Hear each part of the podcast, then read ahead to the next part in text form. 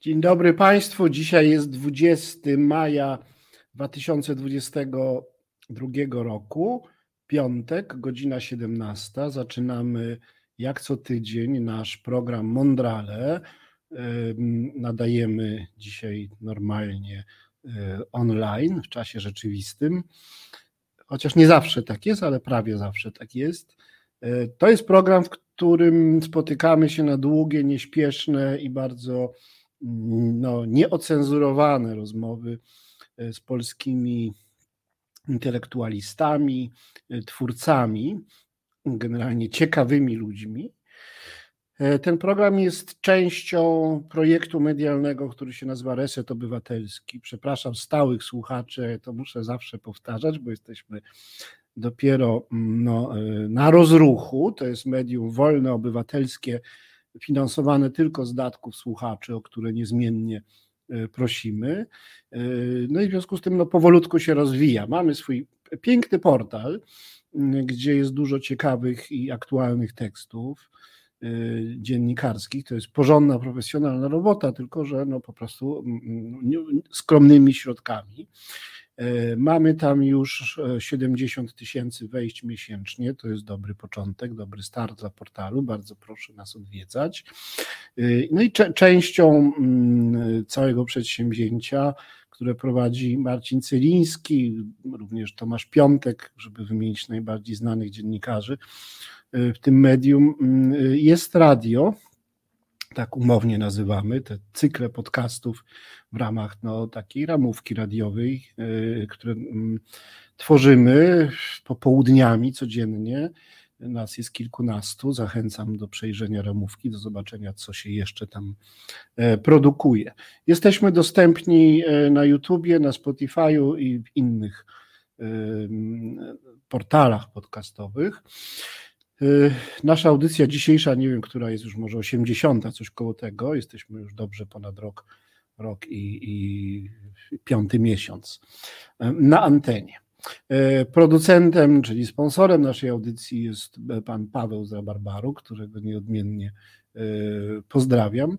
Można wpłacać pojedyncze datki, ale można też być właśnie takim sponsorem trwałym producentem y, któregoś z programów, ulubionego programu. Zachęcam do tego. Przyszłość mediów to właśnie niewielkie, niezależne y, firmy, przedsięwzięcia y, utrzymujące się z datków słuchaczy, widzów, odbiorców. Jakkolwiek oczywiście no, bardziej kosztowne a działania dziennikarskie wymagają pewnego kapitału, więc no, na duże media też jest miejsce, ale generalnie przyszłość należy do, do takiej masy mniejszych podmiotów, niezależnych od swoich wydawców, od, od reklamodawców. Drodzy Państwo, gościem dzisiejszego spotkania jest e, pan dr Mirosław Tryczyk, e, historyk i filozof. Mm, myślę, że wielu z Państwa e, wie, kto to jest, ponieważ jest to taka postać od czasu do czasu wypływająca w przestrzeni publicznej, jeśli można się tak wyrazić, mm, e, no i od czasu do czasu będąca przedmiotem, obiektem e, większej czy mniejszej no, nagonki publicznej, publicznej krytyki.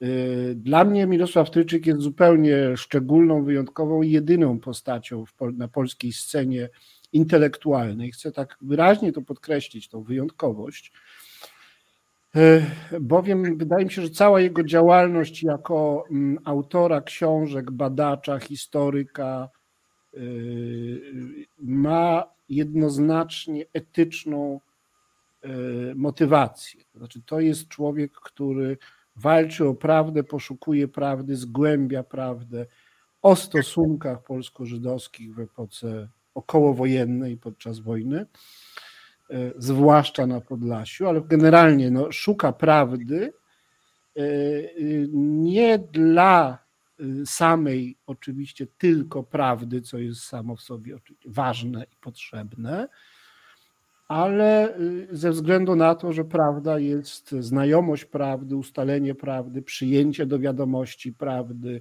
upowszechnienie prawdy, jest moralnym obowiązkiem osób i społeczeństw. I to jest jego misja, na której się poświęca, pisząc pracę, występując w związku ze swoimi publikacjami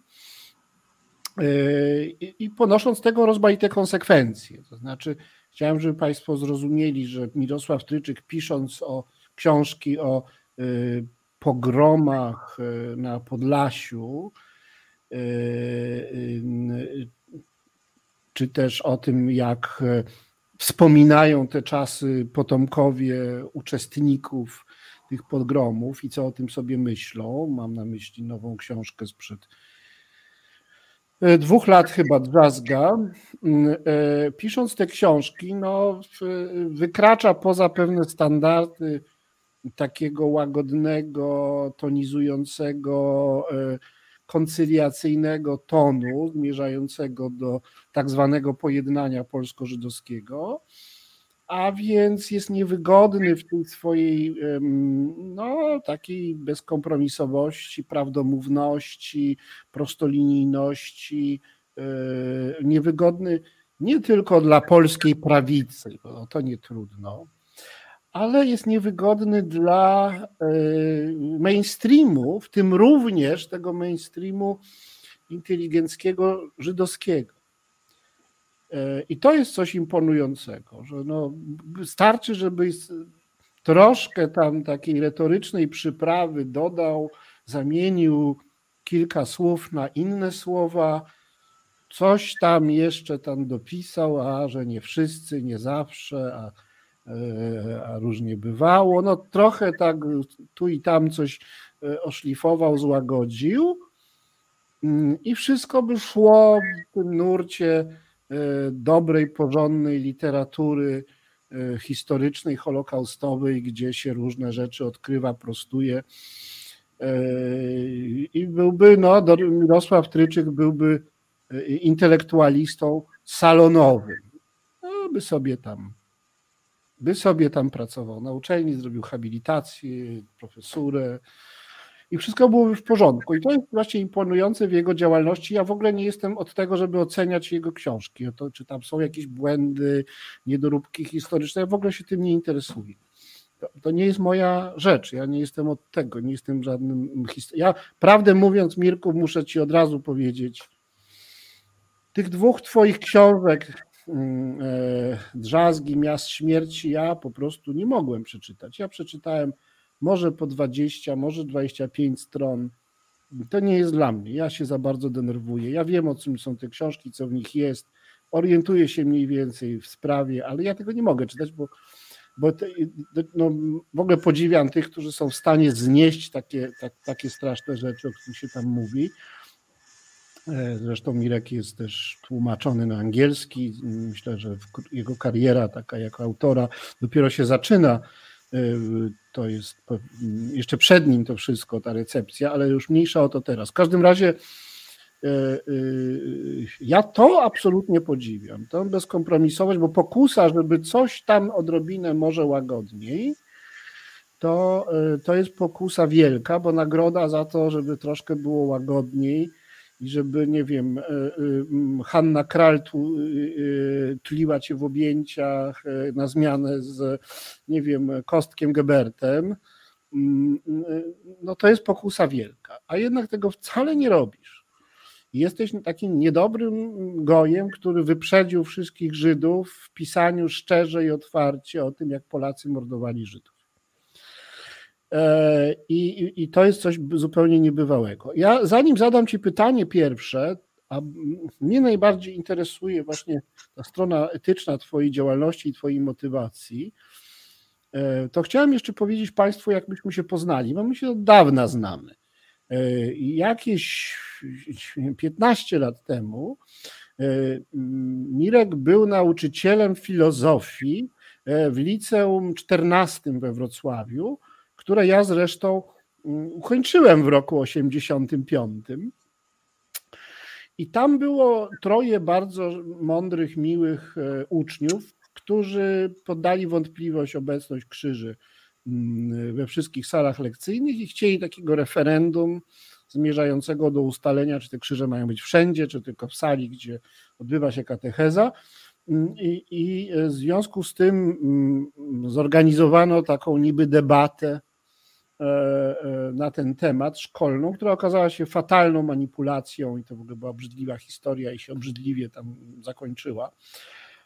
No i Mirek był jakby tak z, z ramienia grona pedagogicznego, był jakby obrońcą tych uczniów i ja zostałem zaproszony, już nie pamiętam czy przez dyrekcję, czy przez Mirka, czy wspólnie, w każdym razie do wzmocnienia tej ekipy w ramach tej dyskusji. To już mniej, to, to było paskudne wydarzenie, zmanipulowane, e, smutne, mniejsza o to, ale wtedy właśnie Mirka poznałem, potem się w różnych okolicznościach takich polsko-żydowskich stykaliśmy. No i e, bardzo, bardzo ja to wszystko podziwiam. I teraz chciałem, no właśnie Ciebie zapytać, co to jest? Jakie to jest takie, na czym polega takie życie, w którym nie chodzi o karierę, nie chodzi o pieniądze, a nawet nie chodzi o prawdę, bo to jeszcze można znieść, prawda? Ale chodzi o mm, y, użycie prawdy do przetkania, oczyszczenia czegoś, co jest brudne. Y, a więc chodzi o, no jakby, no jesteś w rodzaju takiego wyciora, który, który coś przetyka i, i no jest skazany na to, że będzie no pierwszy brał na siebie brud. I to, to jest pewien heroizm moralny. I chciałem się dowiedzieć, czy to tak, czy to się robi samo z siebie, e, to tak wychodzi, za tym po prostu jest ta złość, że, a, że mój dziadek brał udział w pogromach, że ja muszę coś z tym zrobić. E, e, czy to jest świadomie podjęta misja, jakby trochę na zimno, taki plan? E, e, czy to jest na bardzo wysokim jakimś takim diapazonie moralnym, czy za tym stoi bardzo silna świadomość etyczna? Czy właśnie to się wszystko dzieje spontanicznie i na zasadzie takiej wierności sobie? Zacząłem to robić, to będę to robił do końca, nie zrezygnuję, nie ustąpię, y, nie dam się, nie, nie sprzedam się, nie dam się kupić i tak dalej. Jak to u ciebie było? Powiedz tak naprawdę o sobie, głębiej. Jak to u ciebie było, że przyjąłeś tę wyjątkową w skali kraju, tak niewdzięczną na siebie rolę? Dzień dobry Państwu. O, witam wszystkich słuchaczy serdecznie. Dziękuję też Janowi za ten e, wstęp. Bardzo taki, mm, mam wrażenie, heroizujący moją postać. I też taki bardzo przekrojowy. Przez, Jan w tym wstępie mm, uczynił z mojej biografii rodzaj szkicu, który, który ma coś odsłonić. A ja może nie będę też jakby od razu się zastrzegę mówił wiele o sobie, jestem w ogóle przeciwnikiem mówienia o sobie. Jakby, bio, szukanie w biografii autora motywów uzasadniających, czemu on coś robi, zawsze wydawało mi się e, dość mocno dwuznaczne i, i, i takie trochę poznawczo mm, puste, ale spróbuję odpowiedzieć na Twoje pytanie. Najpierw jednak dokonam paru korekt w tym szkicu, który zrobiłeś, takich faktograficznych. Bo, bo, no bo o, o, paru takich szczegółach e, uważam, że warto je powiedzieć na wstępie. Po pierwsze, powiedziałeś o tym, że jakby ta moja praca nie zmierza, znaczy jakby idzie w poprzek pojednaniu polsko-żydowskiemu. To ja chciałbym jakby od razu powiedzieć, że właściwie to nie. To znaczy, moja praca intelektualna, społeczna, bo ja łączę te dwie sfery. Tutaj się w pełni z Tobą zgadzam i to jest jakby mm, dla mnie też niezwykle ważny aspekt łączenia tej sfery intelektualnej, pisarskiej z taką typową działalnością społeczno-pedagogiczną, można by powiedzieć. Cały mój wysiłek właśnie zmierza w kierunku pojednania polsko-żydowskiego, szeroko rozumianego, ale też bardzo szczegółowo rozumianego, bardzo konkretnie rozumianego. Na przykład, że zarówno w takiej skali właśnie szerokiej, tak, y, polskiej, powiedzmy, rozumieniu państwa polskiego, ale też takiej bardzo konkretnej, sferze pojednania polsko-żydowskiego, który mam nadzieję kiedyś się zadzieje, wydarzy w takiej małej miejscowości na Podlasiu jednej, drugiej, trzeciej. Tak, między konkretnymi ludźmi dojdzie do jakiegoś konkretnego spotkania, pojednania. Nad tym pracuję i to jest jakby moim celem um, głównym, pojednanie osiągnąć. Za, za, za, zasypać, za, mm, zakryć, ale w taki dobry sposób e, zakryć rany polsko-żydowskie, zbliżyć te dwie społeczności pełne głębokich nieufności do siebie nawzajem pełnych uraz, pełnych smutków, e, różnego rodzaju traum historycznych. Moim takim doświadczeniem z obcowania z moimi przyjaciółmi Żydami jest to, że bardzo często te smutki, te, te właśnie rodzaje traum wynikające z doświadczenia życiowego tych ludzi, z życia w Polsce, w otoczeniu ludzi etnicznych, Pols, etnicznych Polaków, są, są, są takie, mm, no właśnie, smutne, traumatyczne i, i, i, i to pojednanie też w takim wymiarze indywidualnym, także w takich prostych relacjach międzyludzkich jest dla mnie ważne. Stąd jakby drugi aspekt mojej działalności, czyli poszukiwanie prawdy. To znaczy pojednanie bez prawdy jest niemożliwe. Znaczy pojednanie w moim głębokim przekonaniu i osobistym, i powiedzmy takim publicznym, społecznym, ale także tym, o którym ty mówisz i o którym obaj zresztą mówimy, czyli tym wymiarze etycznym, pojednanie bez fundamentu prawdy, czyli takiego fundamentu, który polega na tym, że my mówimy prawdę o tym, co się wydarzyło między nami, między dwójką ludzi, między dwiema społecznościami, dwiema grupami, a między dwiema, dwoma narodami, dwoma państwami jest niemożliwe. Więc stąd jakby mm, ten aspekt prawdziwościowy, tak, się pojawia w mojej działalności i pisarskiej, i publicznej, i społecznej.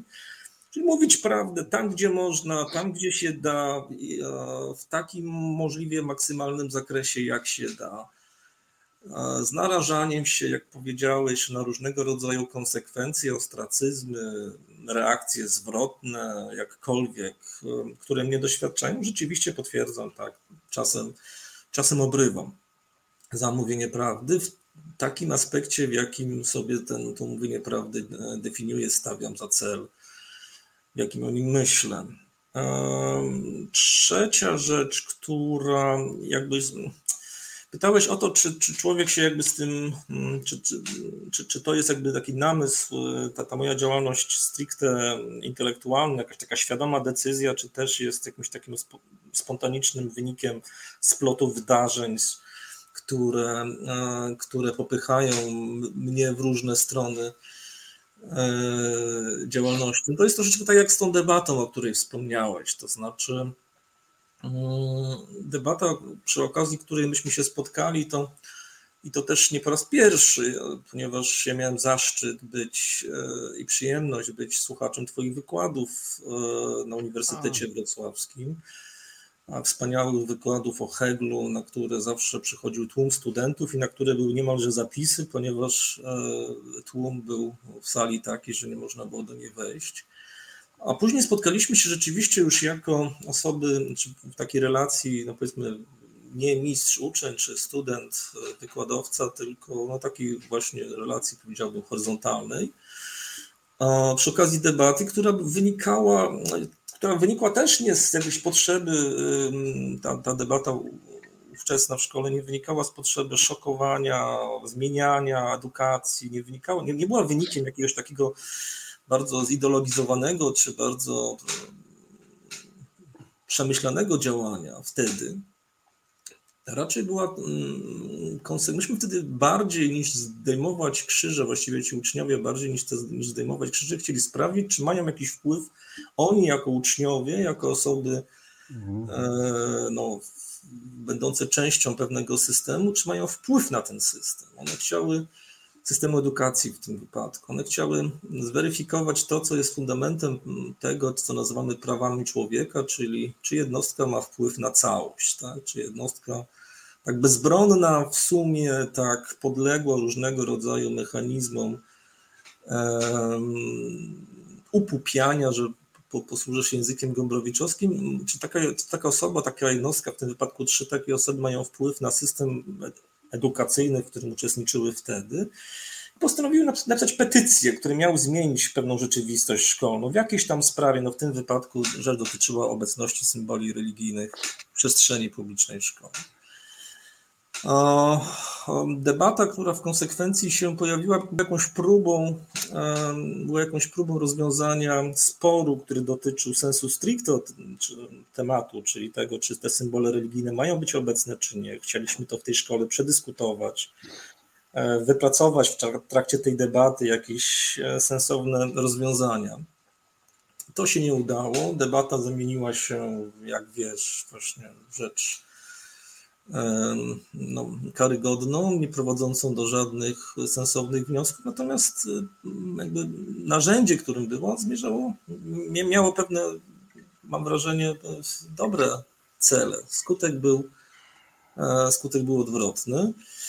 Ja jestem zresztą dumny cały czas tej trójki osób, dziś wspaniałych młodych ludzi, którzy robią różnego rodzaju kariery.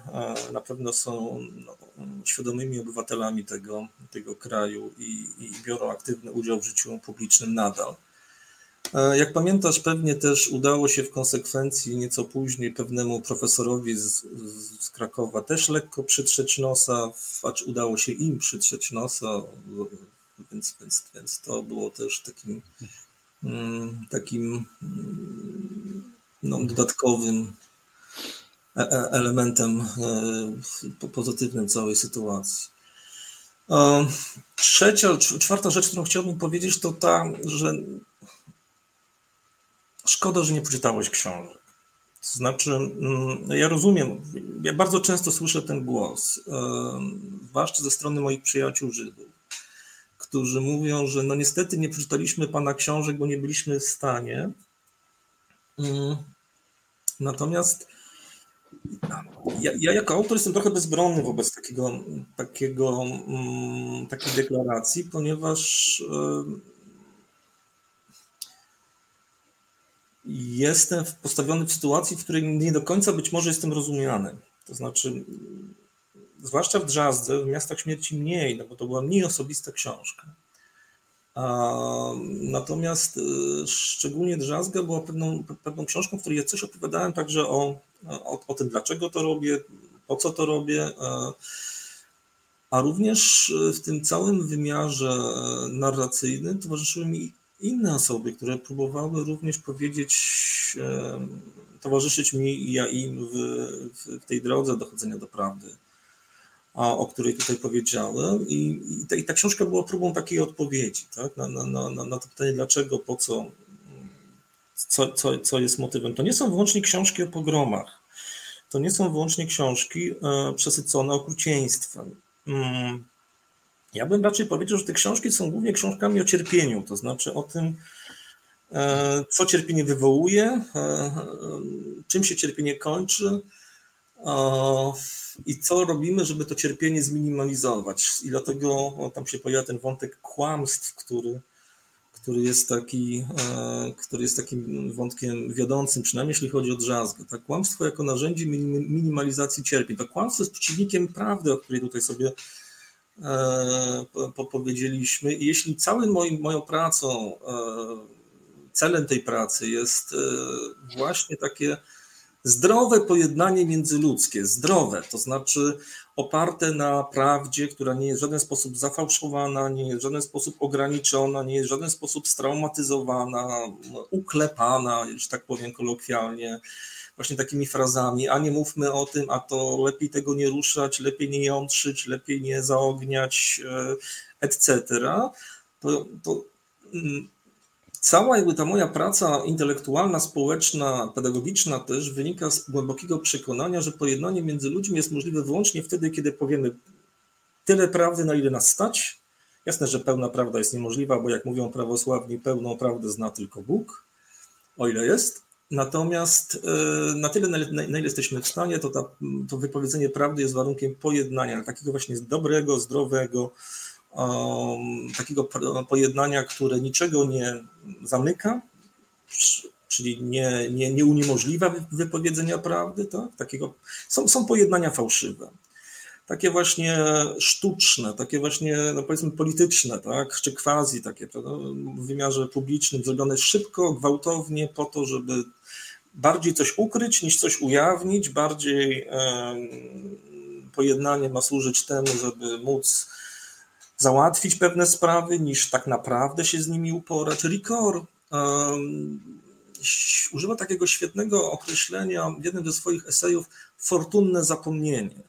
To jest takie zapomnienie o traumie, o cierpieniu, o, o bólu, które, którego doświadczali ludzie, które jest skutkiem ich działań, które jest takim zapomnieniem uwalniającym, tak? takim, takim, taką, taką dobrze przeżytą żałobą. W naszych relacjach polsko-żydowskich brakowało dobrze przeżytej żałoby po cierpieniach, jakie sobie, chciałbym powiedzieć, wzajemnie zadaliśmy, ale trzeba powiedzieć, którym ludność etnicznie polska w znamienitej przewadze zadała ludności etnicznie żydowskiej mieszkającej w państwie polskim. I to fortunne zapomnienie było przez całe dziesięciolecia niemożliwe, a ja miałem wrażenie, dorastając w latach 90. i na początku wieku XXI, że także to pojednanie, które dokonywało się na moich oczach, wtedy młodego chłopaka, później nauczy, początkującego nauczyciela, pracującego gdzieś tam e, trochę na, na, na uczelniach wyższych, a generalnie to poza uczelniami w oświacie. Mm, to pojednanie wówczas miałem wrażenie też nie było takim pojednaniem, które było pojednaniem zamykającym sposób fortunny. Odbywało się na poziomie szeroko rozumianych elit, e, nie na poziomie międzyludzkim, nie na poziomie e, takich właśnie bezpośrednich relacji. Antysemityzm wciąż nie znikał, wciąż był obecny w przestrzeni publicznej. To było takie pojednanie fantasmagoryczne, miałem wrażenie, pełne różnego rodzaju symboli, w których jeden prezydent przepraszał jedwabnym, ale biskupi na przykład się tam nie pojawiali, więc to było też takie pojednanie zafałszowane. Miałem wrażenie niepełne, w którym jedni przepraszali, inni nie przepraszali, ktoś nie, nie przepraszał za jedwabne, a ktoś tam w ogóle nie przyjeżdżał. Pojawiały się te wątki w debacie publicznej, politycznej, wygrywano kampanie wyborcze tylko dlatego, że jeden z kandydatów zapytał drugiego, czy by przeprosił za, zbrodnie wiedwabne. Więc jednym słowem, to, to, te, te pojednania, którymi, którego, których byliśmy świadkiem przez pierwsze naście lat wieku XXI, wydawały mi się cały czas pojednaniami nie, nie, nieautentycznymi, a miałem też takie przekonanie nie w pełni opartymi na na prawdzie, to znaczy, że, że, że, że to, to, to, to pojednanie zostało zablokowane przez niepełnie, niepełne prawdy, niewypowiedzenie pełnych praw. To fortunne zapomnienie, o którym pisał Ricor, nie było możliwe, ponieważ e, no, no, pewne aspekty prawd e, dotyczących zbrodni popełnianych na Żydach przez mieszkańców Podlasia czy, czy, czy, czy Polaków etnicznych, niektórych oczywiście, nie, trzeba cały czas pamiętać o tym, o tym przedrostku, uniemożliwiały te takie w pełni autentyczne e, zamknięcia, zamknięcia, tak? traum. Używam języka psychologicznego, ale on jest łatwiejszy w, w w nazywaniu tego, tego, o co mi chodzi. No i, no i też oczywiście to się splotło z moją własną biografią, tak? czyli z tym moim osobistym e, doświadczeniem, ponieważ ja sam, tak, tak jak odczuwałem rzeczywistość w Polsce, tak też odczuwałem rzeczywistość swoją własną wewnętrzną, intymną i miałem przekonanie i poczucie, że ja również e, pewnej części mojej tożsamości związaną z historią mojej rodziny, mojego dziadka, którą znałem, ale której nie wypowiadałem,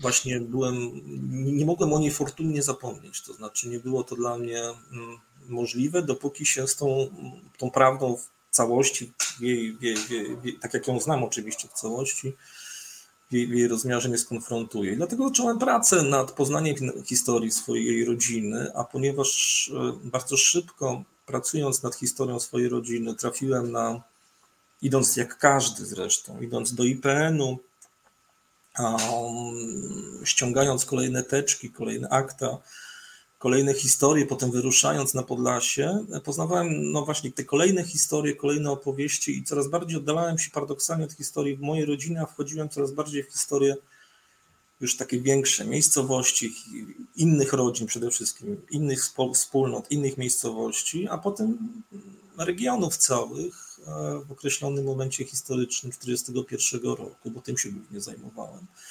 No i napisałem ostatecznie o tym książkę, czyli Miasta Śmierci, a potem postanowiłem przyjrzeć się tym miejscowościom, ponieważ cały czas tam podróżowałem, jeździłem, e, jak, e, jak e, te, te, te wspólnoty, te konkretne rodziny funkcjonują współcześnie po 80 lat po zbrodni. Co one robią z prawdą, a raczej co one robią i w jaki sposób się przed nią bronią stosując stare strategie obrony przed prawdą, czyli kłamstwa różnego rodzaju, tak? minimalizację, wyparcia i tego typu działania. No i tak powstała druga książka, czyli Drzazga z pod tytułem Kłamstwa silniejsze niż śmierć, w której również opowiadałem o, udało mi się, mam wrażenie, opowiedzieć co nieco o historii swojej rodziny, ale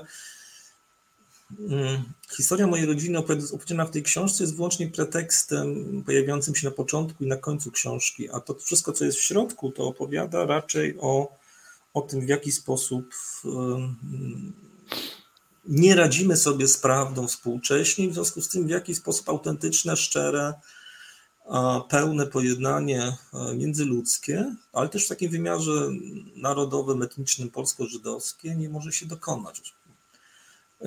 I, i, i, no i tyle myślę. To jest jakby w, w, tym, w tym aspekcie odpowiedź, jakaś próba odpowiedzi na Twoje pytanie. Tego wszystkiego jest trochę za dużo dla wszystkich. Ja myślę, że Twoja rola jest taka, że Ty bierzesz na siebie za dużo mm, tych strasznych rzeczy. Znaczy, dla Ciebie nie za dużo, bo Ty to uniesiesz, ale inni nie są w stanie tego przyjąć. No Polacy nie są w stanie przyjąć absolutnie prawdy o tym, jak Polacy mordowali Żydów i, i nie będą w stanie przez wiele pokoleń, to jest na razie niemożliwe. Y, chociaż oczywiście no, kropla drąży skałę. No, bardzo możliwe, że za 50 lat przeciętnie wykształcony Polak będzie wiedział, że takich, którzy zostali przez Polaków skrzywdzeni, takich Żydów było znacznie więcej niż takich, którzy otrzymali od Polaków pomoc. Ale to jest kwestia dekad. E, więc ta praca Twoja jest jakąś taką, oczywiście bardzo, bardzo mm, no, heroiczną, właśnie i syzyfową wręcz prawie, ale jednak nie do końca. W każdym razie organiczną e, pracą mm, u podstaw. E, ale wydaje mi się, że tu jest coś znacznie więcej, bo właśnie Ty potrafisz patrzeć na krew, że tak powiem. Jesteś jak ten ratownik, który idzie ratować rannego, podczas gdy inni się uciekają, bo nie mogą na to wszystko patrzeć, ty jednak otwierasz oczy, patrzysz, idziesz tam, gdzie jest e, pogrom, gdzie był pogrom i patrzysz na ten pogrom e, przez, e, przez całą tą przepaść tych dekad, jednak patrzysz i widzisz z bliska. I to jest niezwykła misja. I teraz ja jestem jakby po drugiej stronie. Ja należę do tej masy zalęknionych, którzy nie są w stanie czytać literatury holokaustowej i nawet poczytują sobie to wydelikacenie za swego rodzaju cnotę. Ja rozumiem, to jest, to jest niefajne, ja to wiem, ale, ale to, to, to tak wygląda, że jak ja biorę do ręki, tutaj koło mnie stoi czarna księga tam Ehrenburga, Wassermana, już nie, e, e, kto, jacy są ci redaktorzy, opowieść o Holokauście na wschodzie, taki raport dla, dla, dla władz stalinowskich właściwie. I tam wiem, że no, no ja próbowałem czytać, przeczytałem pewnie 100 stron tej wielkiej, strasznej księgi. Czytałem o Babim Jarze, ale już nie mogłem więcej. I na przykład jak teraz kilka dni temu było w Polin, była misja w ramach e, tego festiwalu, e, jak on się tam nazywa, Dogs Against Gravity, była emisja filmu o Babim Jarze, to już tam na, na to nie poszedłem. takich ludzi jest bardzo wiele. I teraz jest jakieś połączenie, związek między tymi, którzy są przewrażliwieni, nie potrafią się zdobyć na konfrontację e, z, z bardzo złymi emocjami, które ich czekają, gdy będą czytać o wydarzeniach pogromowych, holokaustowych, a tymi, którzy nie chcą niczego słyszeć i niczego wiedzieć, bo są Polakami i czują się solidarni z, z polskością jako taką i uważają za swój obowiązek e, negować prawdę, e, czy też tworzyć jakąś kontrprawdę wygodną dla siebie. Jest, no my wszyscy jesteśmy po drugiej stronie, patrząc z Twojej perspektywy. Ja nie sądzę, żebyś Ty miał wielu sprzymierzeńców, bo takich, którzy nie przyjmują żadnej strategii poza prawdomównością, prawie nie ma. Właśnie ja tak mówisz, że ja cię przedstawiam heroicznie. No tak, no bo to jest, heros jest zawsze samotny. To znaczy, no, robi coś, na co innych nie stać, robi więcej, yy, zakłada porażkę, ryzykuje, yy, no i jednak coś takiego robisz. E, więc ja nawet doszukuję się pewnego rodzaju przygany w tym, co mówisz, prawda, że ty jesteś jakby bezbronny wobec faktu, że nie, nie, czy, nie czytamy. Czytamy, a gadamy, wypowiadamy się. Z różnych powodów. Jedni nie chcą czytać, bo nie chcą prawdy, inni chcą, nie chcą czytać, bo, bo po prostu boją się e, nieprzespanej nocy. No, to, to, ale jedni i drudzy nie chcą, a ty musisz robić swoje. No i w tym kontekście chciałem zadać pytanie o to, mm, jakby realne szanse, na y, to, co nazywasz pojednaniem i co jest dobrym zapomnieniem, szczęśliwym zapomnieniem. Bo właściwie powiedz mi, co sobie konkretnie wyobrażasz? Czy wyobrażasz sobie to, że powiedzmy w tych podlaskich miejscowościach, jak emblematyczne jedwabne, ale było ich tam więcej, nie wiem, wąsosz, że w takich miejscowościach, gdzie w każdej po kolei tych kilkuset Żydów było zamordowanych, mieszkańcy, nowe pokolenie mieszkańców, może tacy, którzy są teraz dziećmi. Wszyscy będą wiedzieli z grubsza, co się wydarzyło. Wszyscy będą się od, odnosić do tego z pewnym no, żalem i współczuciem, bez poczucia już osobistej winy, ale żalem i współczuciem. Wszyscy będą życzliwie patrzeć na Żydów, którzy przyjeżdżają pod pomniki, upamiętniać na przykład rocznicę tych pogromów. E, i czy to jest właśnie to, że będzie taki moment, w którym te, te miejscowości się jakoś tak otworzą, odkorkują, e, mieszkańcy będą uważać za coś normalnego, że to się wie, że tak było, było jak było, było właśnie tak, e, a potem będzie się już żyło normalnie, ale w tym takim pseudo zapomnieniu, to znaczy w tym sensie, że to będzie już przepracowane, przyjęte, powiedziane, i, w tym szczęście szczęśliwie zapomniane, jak e, mówi się o wybaczeniu, że jest zapomnieniem w wielu językach, zapomnieć i wybaczyć e, to są te same bądź bardzo zbliżone e, słowa i pojęcia, więc to będzie zapomniane szczęśliwie, czyli jakoś właśnie przepracowane, uznane, ale też już nie trujące. Powiedz mi, czy ty naprawdę widzisz to, ty, bo to w świecie idealnym tak jak to zarysowałem, no jest do wyobrażenia. Wyobraźnia i papier wszystko zniosą. Ale czy wyobrażasz sobie realnie coś takiego? Czy wyobrażasz sobie jakąś drogę taką, która doprowadzi do tego, że mieszkańcy Jedwabnego będą przychodzić w rocznicę e, pogromu razem z Żydami, którzy przybyli kawalkadą samochodów e, z Warszawy i to będzie absolutnie normalne i nie będzie żadnych napięć i wszyscy będą wiedzieli o co chodzi i co się wydarzyło. O, to jest bardzo trudne pytanie. Znaczy, to są, wiesz, zadajesz takie pytania jak filozof, o, który, którym jesteś, znaczy, którym oba jesteśmy, o, ale to są pytania no, z takiego dużego C egzystencjalnego, prawda? I o, dziękuję Ci za te pytania, natomiast one są no, piekielnie trudne. Ja bym w ogóle zaczął odpowiedź od tego, że hmm, fortunne zapomnienie to jest takie zapomnienie, w którym, w którym nie zapominamy. Tak? Czy fortunne zapomnienie to jest takie, w którym mamy nagrobek umowny, na którym piszemy, co się stało. A, czyli przekazujemy wiedzę.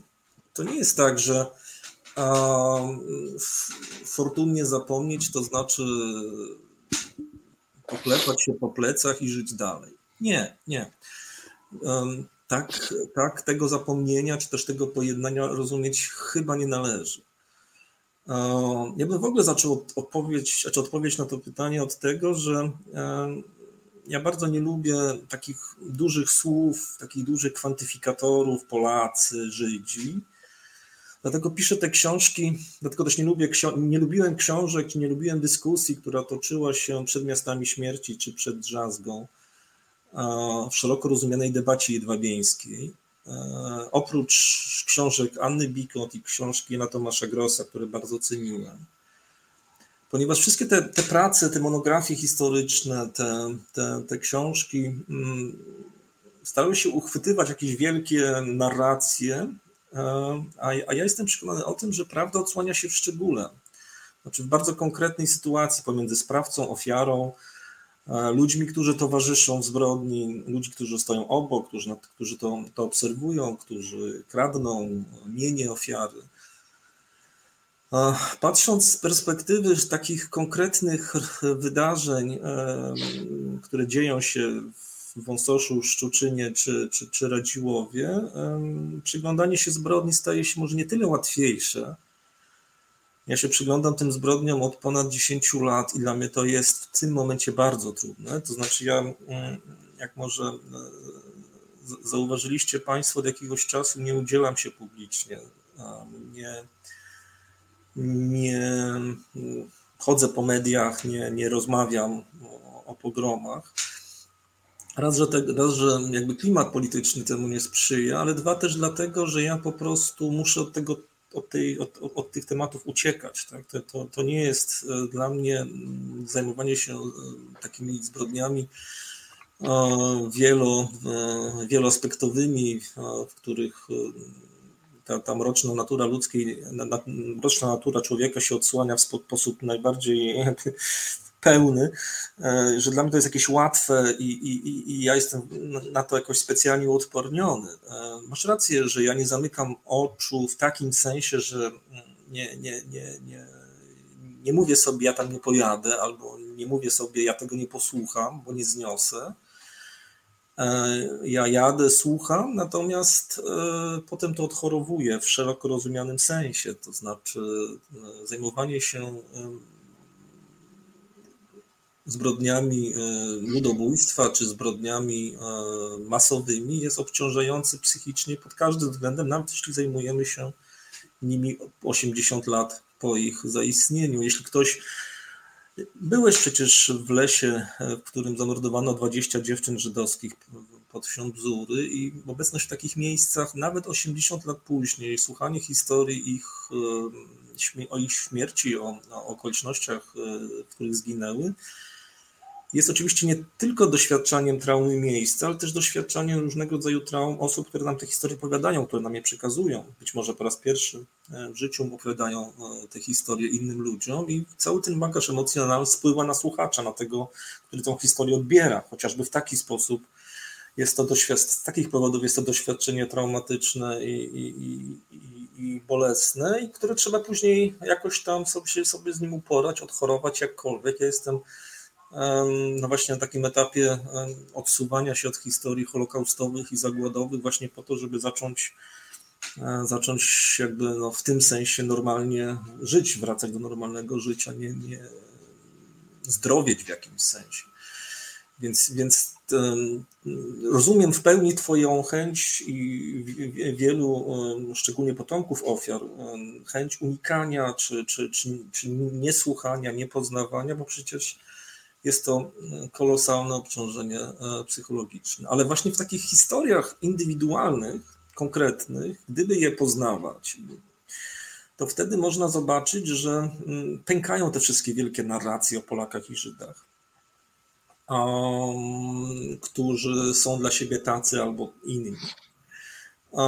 W tych konkretnych historiach, na przykład takiej, o której piszę w jednym z rozdziałów otwierających drzazgę, mamy zamordowaną dziewczynę żydowską, Dorę Dorogoj w Radziłowie, którą, którą zamordowuje, zamorduje, e, zabija e, krawiec z Radziłowa Skrocki.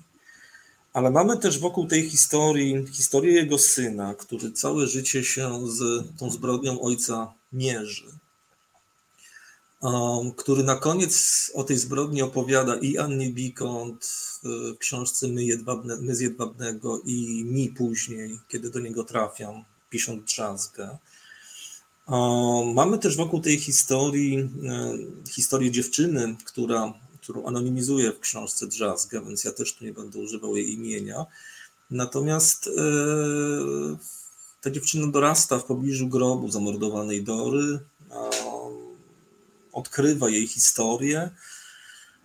Chce pisać o tym pracę magisterską, przyjeżdża do Warszawy, spotyka się tam z ostracyzmem na uczelni wyższej, na której chce pisać tą pracę magisterską i, no i w ten sposób przeżywa swoje,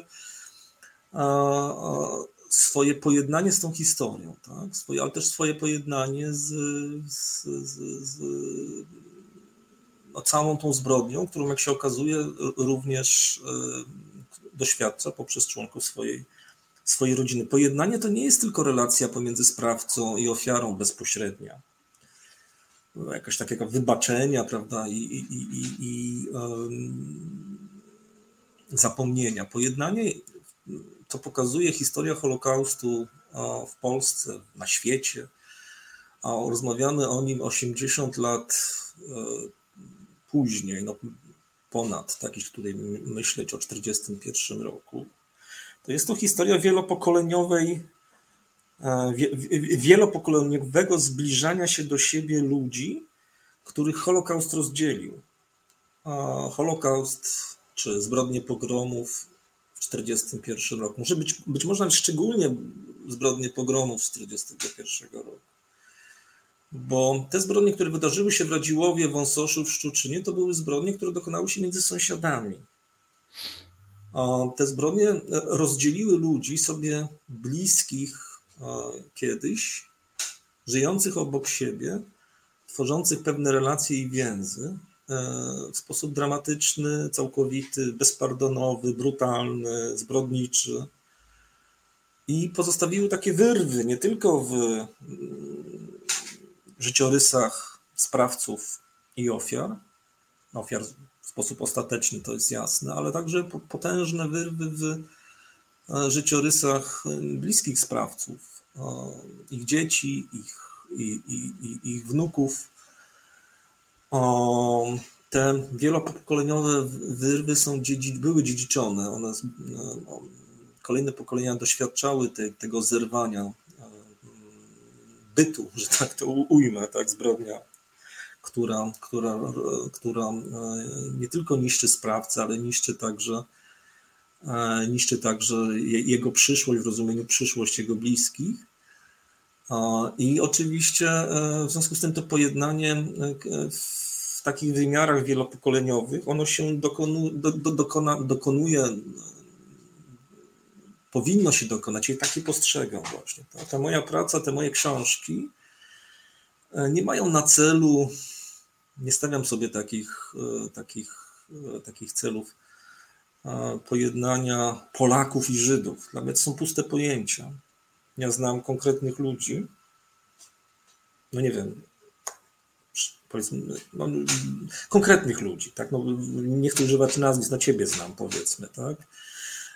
I których mogę zabrać do lasu pod bzurami albo do Wąsosza, mogą pojechać do Szczuczyna i tam spotkać konkretnych ludzi, którzy tam mieszkają i coś się między nimi może wydarzyć lub nie niestety nie wydarza się wciąż i to jest jeden z, jeden z, z rzeczy, o których możemy porozmawiać. Dlaczego ci, ci umowni Polacy z Jedwabnego, mieszkańcy Jedwabnego nie przychodzą pod pomniki i, i, i, nie spotykają się. Ale to nie znaczy, że jeśli nie przychodzą, to nie chcą się pojednać albo nie wykonują pewnej pracy, e, no właśnie jak ta dziewczyna z tego Radziłowa, potężnej pracy, potężnej drogi, którą ona przeszła, po to, żeby no, te, te, te, tą wyrwę, którą w jej rodzinie e, zbrodnia uczyniła i wokół której ona, tej zbrodni ona dorastała niemalże fizycznie, ona przez całe życie swoje dziecięce dorastała w pobliżu ciała Dory Dorogoj, wypełnić na tyle, na ile była w stanie zadośćuczynić. Oczywiście nie była w stanie zadośćuczynić e, w sposób e, jakiś taki materialny, bo przecież dziewczyna zginęła, jej krewni zostali spaleni w stodole w Radziłowie, mienie zostało rozkradzione etc., ale ona przynajmniej próbowała wypełnić tą pustkę, którą zbrodnia po sobie zostawiła, mówiąc no, o tym, co się stało, mówiąc o tym, w sposób świadomy mówiąc o tym, e, jaki jest jej stosunek do tej zbrodni. I to jest jakby, już tak puentując,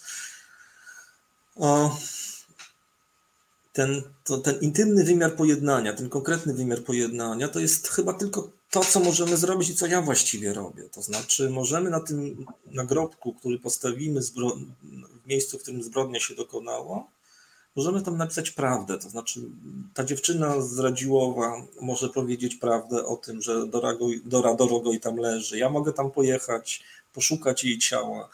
A mogę o tym napisać książkę, ta dziewczyna może napisać o tym książkę, można opowiedzieć o tym swoim dzieciom. Czyli jednym słowem przekazać wiedzę, która będzie mówiła mniej więcej coś takiego, słuchaj, jeśli będziesz robił dziecko, tak, jeśli moje, twoje, jakiekolwiek, będziesz robił to, to i to, to skończy się to tym, czyli cierpieniem innego człowieka, czyli największą zbrodnią, jaką człowiek może wyrządzić drugiemu człowiekowi. Skończy się to cierpieniem, tak, skończy się to czymś złym. Ta, ta, ten nagrobek w takim sensie egzystencjalnym ma służyć temu, żeby ta zbrodnia się nie powtórzyła, ale oczywiście dzisiaj żyjemy w świecie, w którym za naszą wschodnią granicą toczy się wojna i popełniane są zbrodnie, które jeśli chodzi o skalę potworności, cierpienia, oczywiście powody są inne, okoliczności są inne, ale możemy pe, pe, pewne podobieństwa między tymi zbrodniami, a tymi zbrodniami popełnionymi w 1941 roku, czy tam w 1943, 1942 dostrzegać. I wtedy to całe złudzenie, które, o którym właśnie opowiadam, takie egzystencjalne złudzenie, że oto e, powiedzenie prawdy skutkować może tym, że inni nie popełnią, prawda, nie, nie pójdą tą drogą, że to, to przekonanie jest, jest, jest fałszywe. Ja się właśnie z tym, z tym mierzę, że to, to, ta, ta, ta nadzieja, że pisanie książek czy mówienie prawdy o tym, co się wydarzyło w 1941 roku lub później, uosobione w haśle nigdy więcej, że ono właśnie na naszych oczach przestaje mieć znaczenie, że ono staje się mm, retorycznie puste, no bo właśnie stało się więcej. Bucza, Irpin, e, Izium czy, czy tego typu miejsc, Borodzianka to są miejsca, w których no właśnie powtórzyło się to, co się powtórzyć właściwie nie miało prawa nigdy więcej i, i dlatego ja jestem w takiej sytuacji egzystencjalnej, osobistej również e, dzisiaj. No, myślę, że jak wszyscy, tak, jak, jak wszyscy żyjący współcześnie ludzie, z takim głębokim przekonaniem, że no, że, że cała ta nasza praca e, i, i wysiłek poszedł na marne w takim sensie egzystencja, e, egzystencjalnym ludzkim. Tak? A mimo to się parę rzeczy udało, więc e, czy wyobrażam sobie pojednanie w takim symbolicznym wymiarze, że oto jakaś delegacja spotka się pod jakimś pomnikiem e, z inną delegacją, uścisną sobie ręce? Niekoniecznie. To są pewne gesty, które czemuś służą. Tak? Natomiast dla mnie pojednanie to jest sytuacja, w której, e, w której kilka razy doświadczałem takich sytuacji, w których właśnie no, różni potomkowie sprawców z różnymi potomkami ofiar się spotykali przy jednym stole i wspólnie płakali na przykład. Albo wspólnie po tym, jak, jak, jak, jak, jak się spotkali tak po ludzku i milczeli, płakali, patrzyli sobie w oczy, to byli w stanie ze sobą rozmawiać. Um, Kiedyś jedna z moich przyjaciółek e, żydowskich poprosiła mnie o spotkanie, bo rozważała e, kwestię wyjazdu z Polski i mm, chciała się ze mną spotkać, żeby się przekonać, czy ona może tu zostać i wychowywać tutaj swoje dzieci. Myśmy długo rozmawiali. Tak po prostu.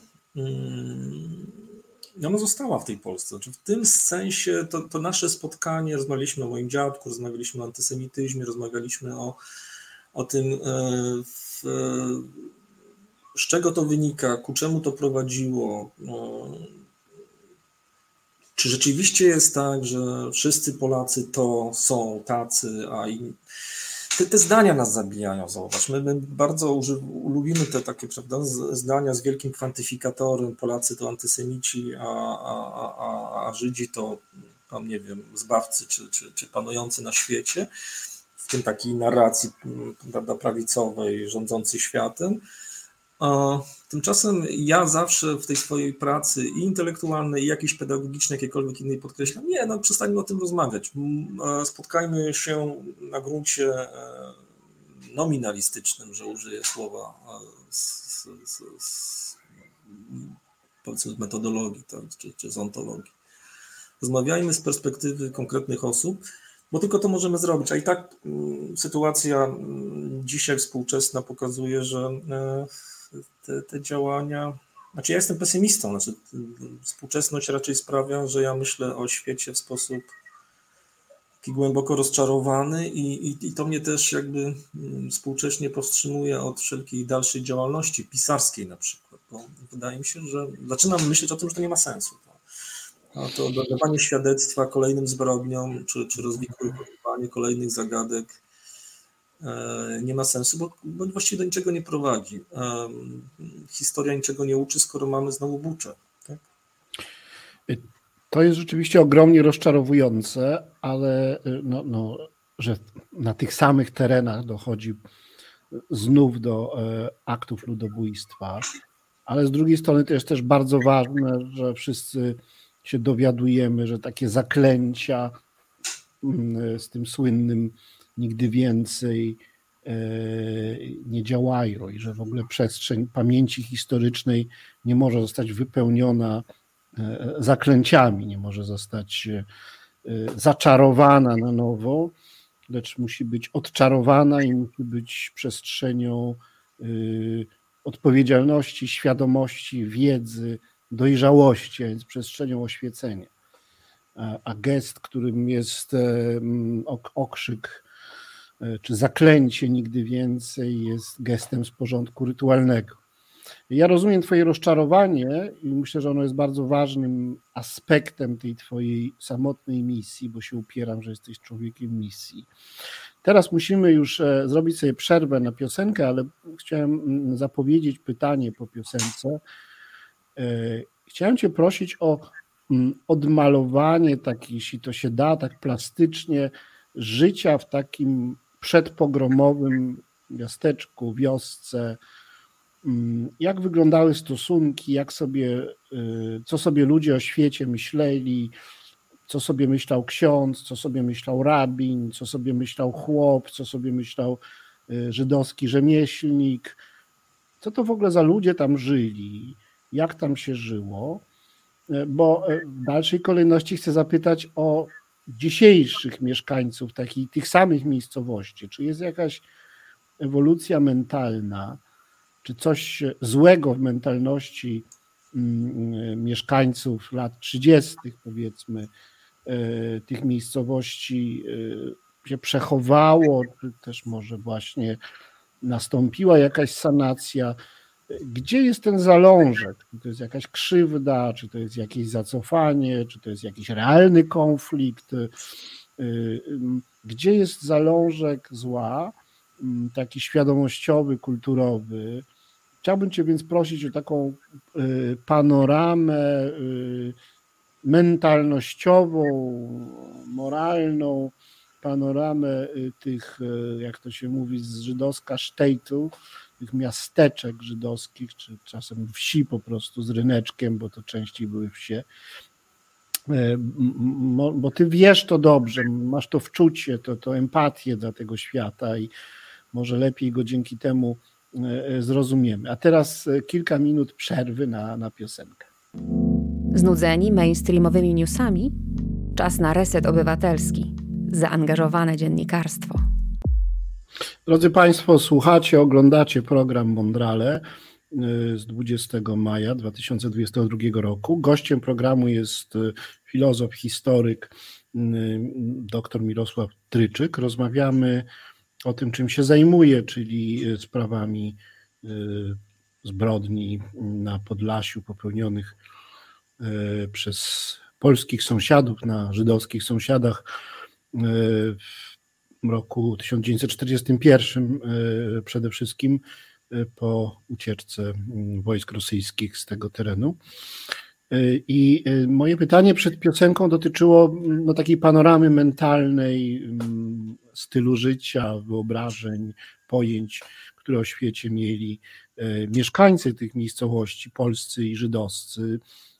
Co takiego tam było, jakby co poprzedzało warunkowało mm, pogrom, czy jakieś uprzedzenia, przesądy, konflikty, zadry, jakieś e, wyobrażenia fantastyczne bądź realne, które no, e, uczyniły niektórych mieszkańców zdolnymi do, y, do popełniania zbrodni, bo normalnie, normalnie narracja jest taka, że była ciemnota, na tą ciemnotę przyszła endecja, która razem z, z, z Kościołem podburzały Polaków przeciwko, przeciwko Żydom. No jak się z, z, okazja znalazła, żeby tych Żydów mordować i obrabować bezkarnie, no to mm, samorzutnie bądź z jakąś tam zachętą jeszcze ze strony Niemców to się, to się wydarzało, ale to jest bardzo jakieś, wydaje mi się, mm, uproszczone. Chciałbym czegoś więcej się dowiedzieć.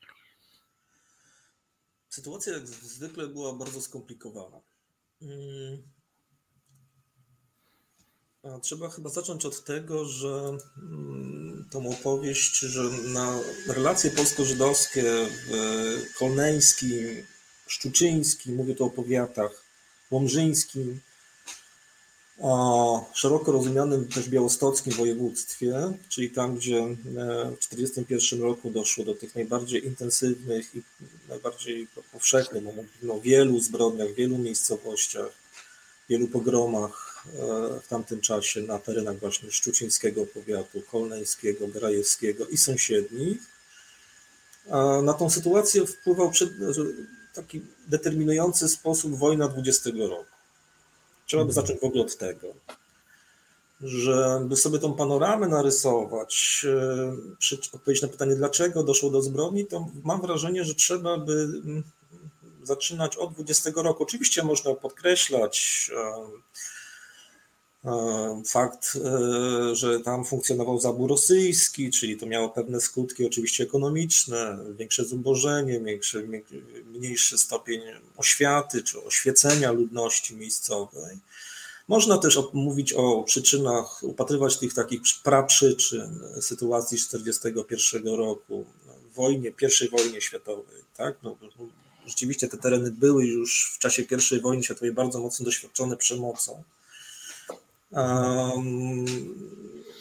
Zarówno stosowaną przez przemoc, no, przemoc stosowaną przez armię rosyjską przede wszystkim.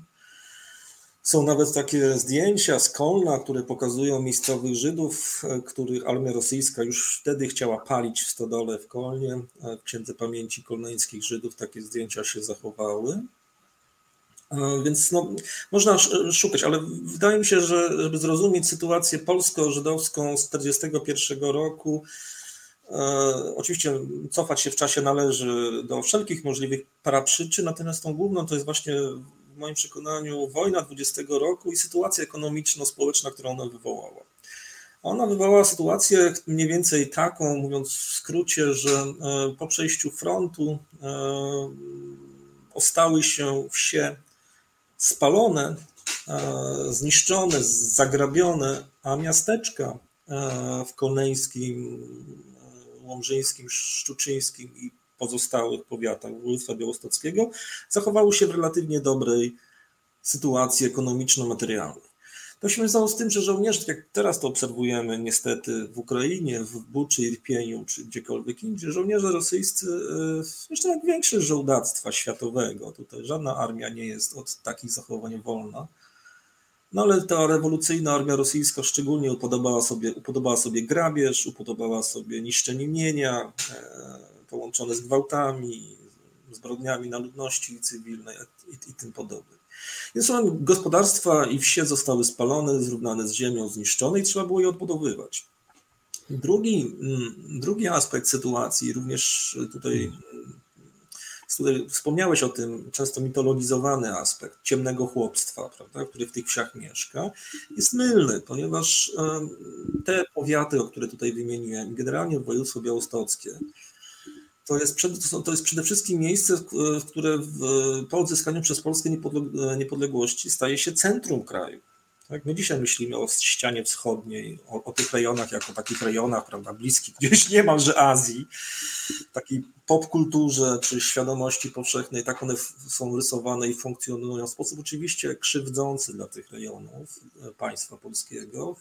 Przed wojną jest to centralna Polska, i są to wsie w dużym stopniu, przewaga w każdym razie w wymienionych przeze mnie powiatach i generalnie w województwie, znaczy, ale szczególnie w tych powiatach, e, w których dochodziło do pogromu w 1941, tam jest przewaga wsi szlacheckich.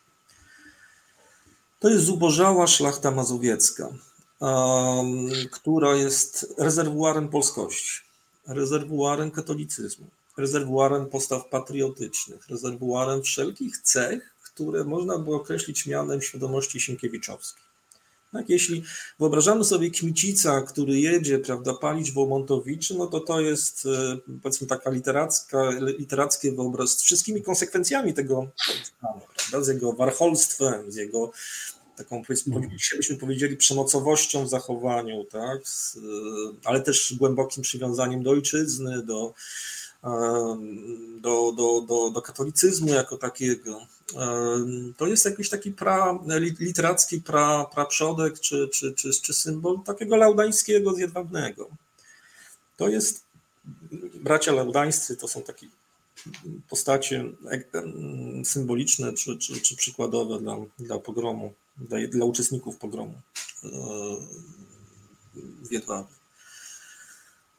Więc y, mamy tak, mamy zniszczone wsie szlacheckie w większości, no chłopskie wsie również są zniszczone. Mamy, są to tereny, w których relatywnie, mm, ponieważ to są wsie szlacheckie czy poszlacheckie, więc generalnie jest cholaryzacja, czyli wykształcenie jest lepsze niż w innych terenach, na przykład na Lubelszczyźnie.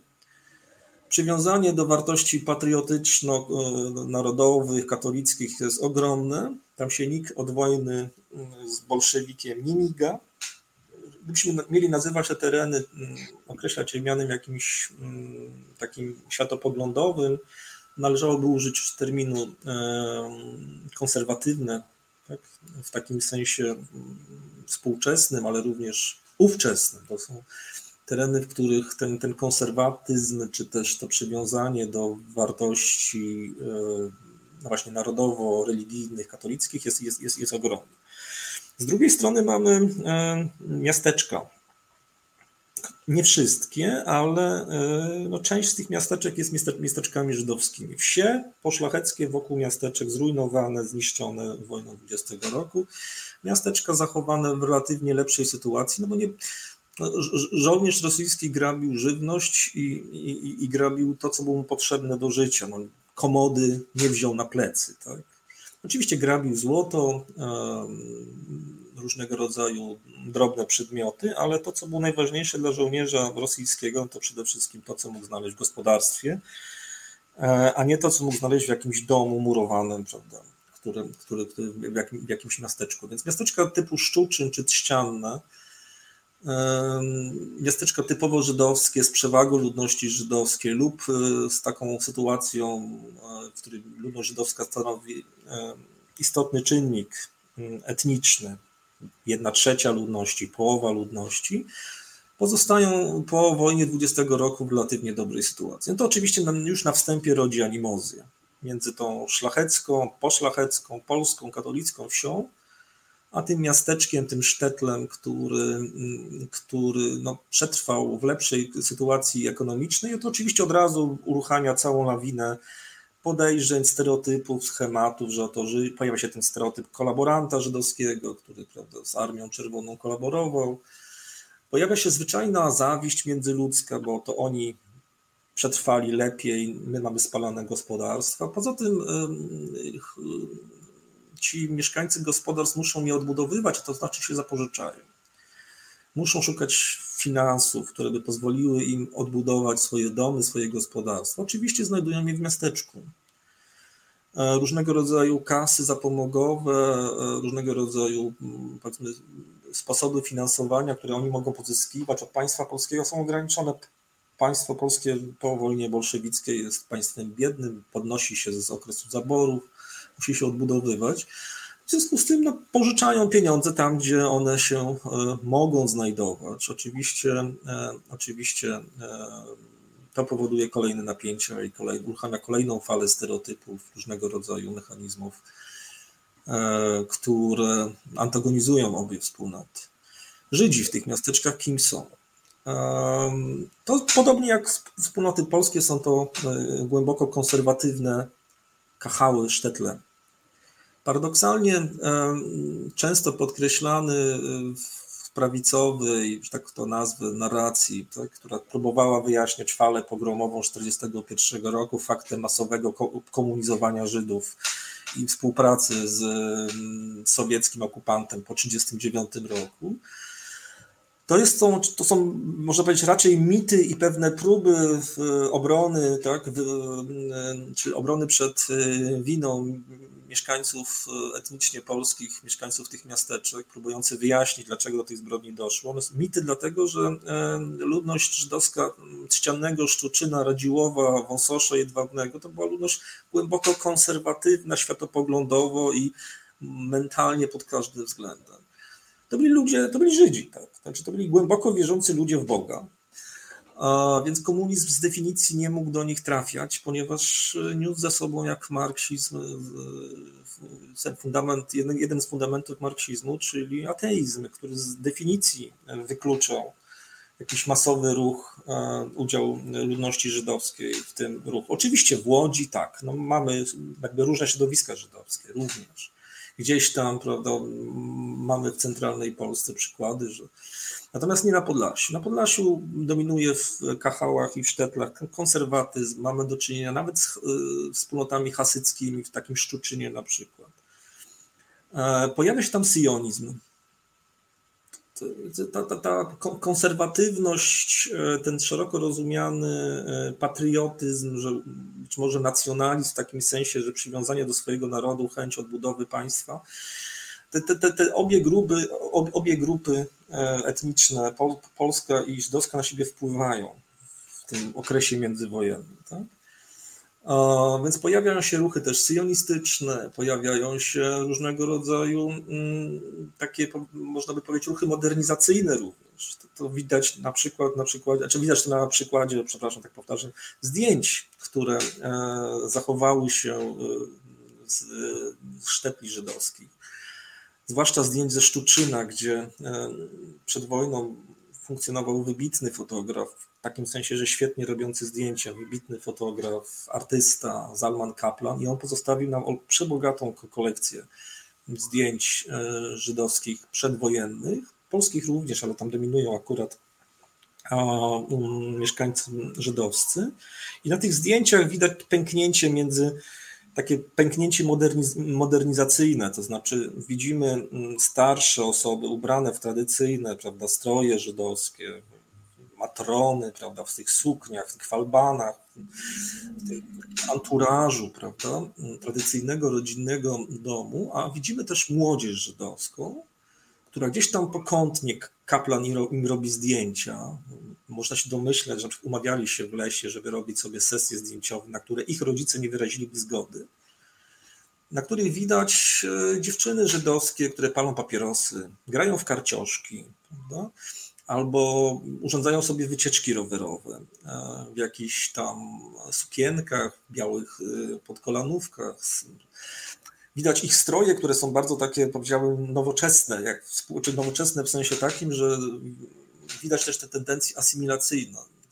Młodzież żydowska e, stara się bardzo, mm, może nie bardzo, ale stara się, to jest widoczne, jakby podążać z, z, z nurtem czasu. Pamiętajmy, że te dwudziestolecie międzywojenne to jest w ogóle taki okres gwałtownych przemian, prawda? gwałtownej modernizacji. Pękają różnego rodzaju tamy. One pękają już po I wojnie światowej, ale do, do miasteczek podlaskich dociera ten nurt moderniz modernizacyjny z lekkim opóźnieniem.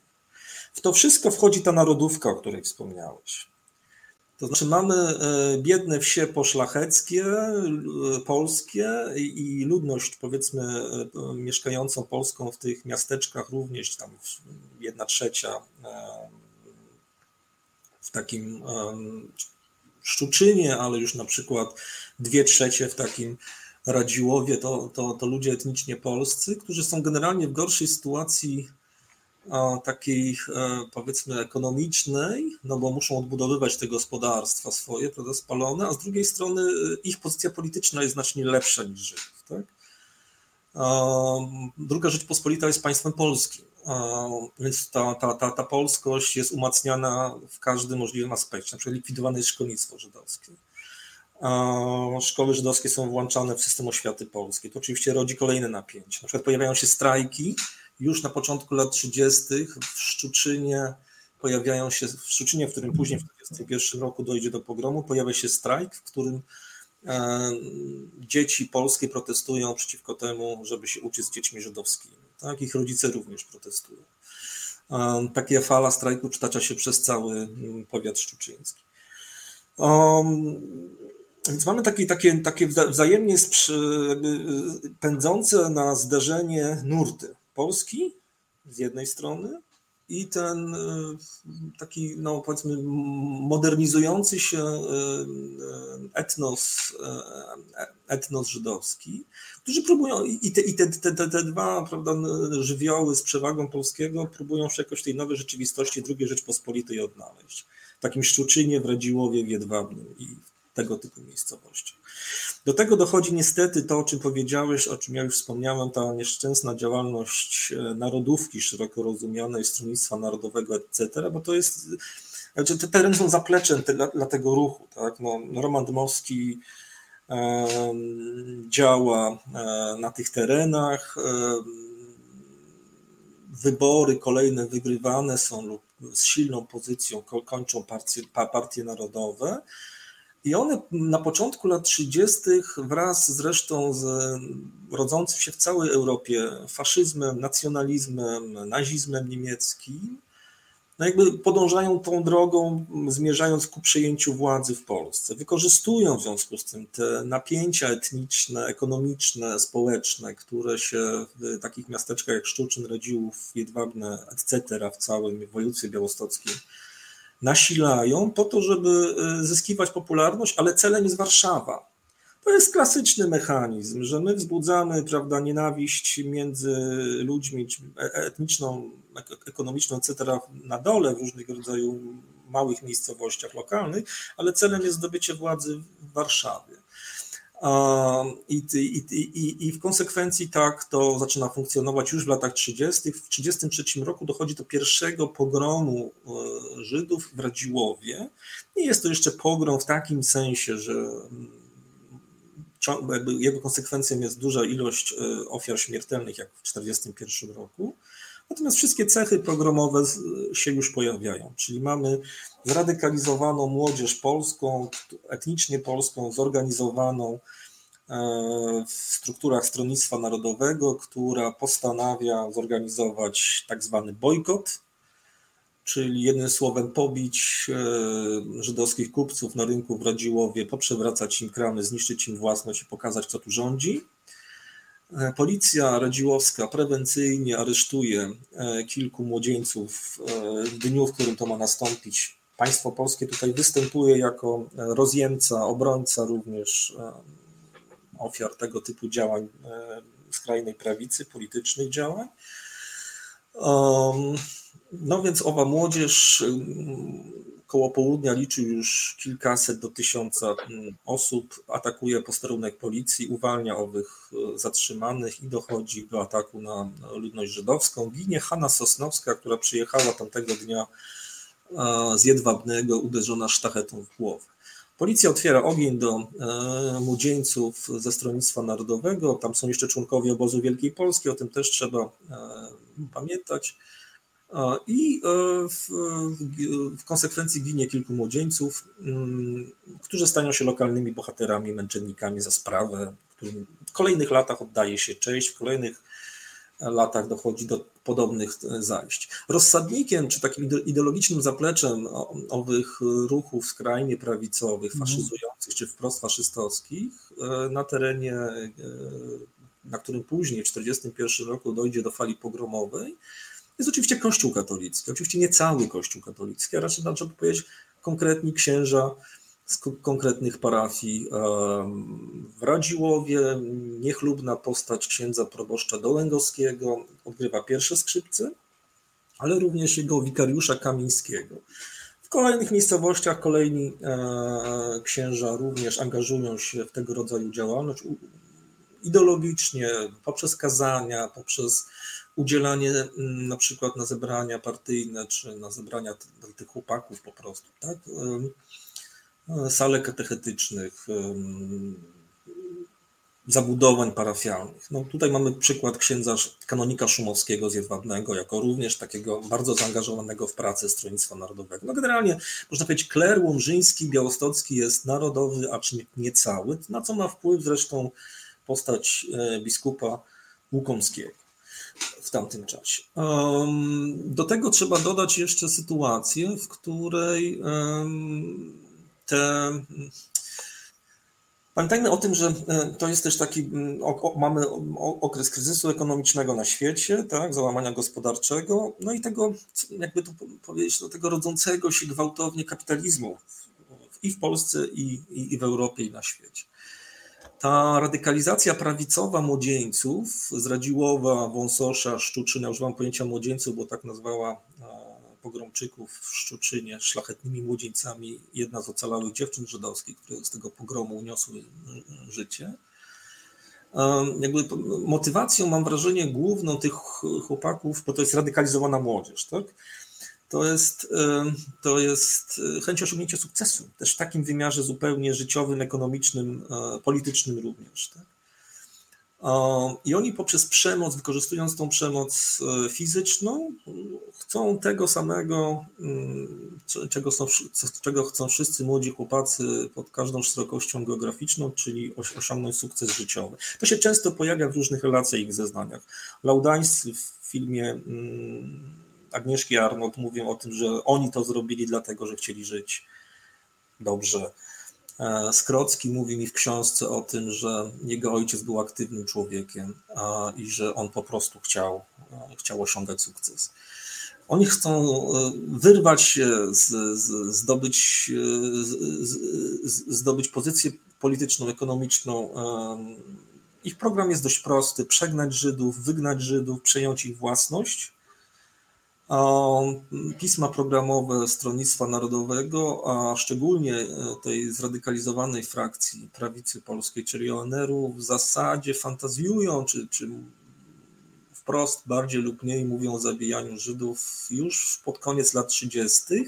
Ja to cytuję w Miastach Śmierci, te wyimki z różnego rodzaju publicystyki prawicowej, skrajnie prawicowej, która dominuje na tych terenach. E, takim przykładem najbardziej chyba obrzydliwym, ale też najbardziej dosadnym przykładem takiej antysemickiej mowy nienawiści są takie periodyki e, Towarzystwa Rozwój. To Towarzystwo Rozwój, Rozwój jest organizacją filialną Stronnictwa Narodowego e, na terenie Podlasia i to są takie periodyki jak Podlasiak i Rózga Podlaska. To jest po prostu czysty antysemityzm, po prostu takie szambo, które, którego się cytować nie da, natomiast skala przemocy, języka przemocy, który jest w nich używany, fantazjowania na, na, na temat zabijania Żydów, e, usuwania ich, przejmowania ich majątków, jest, e, jest, jest, jest, jest tam nad wyraz widoczny.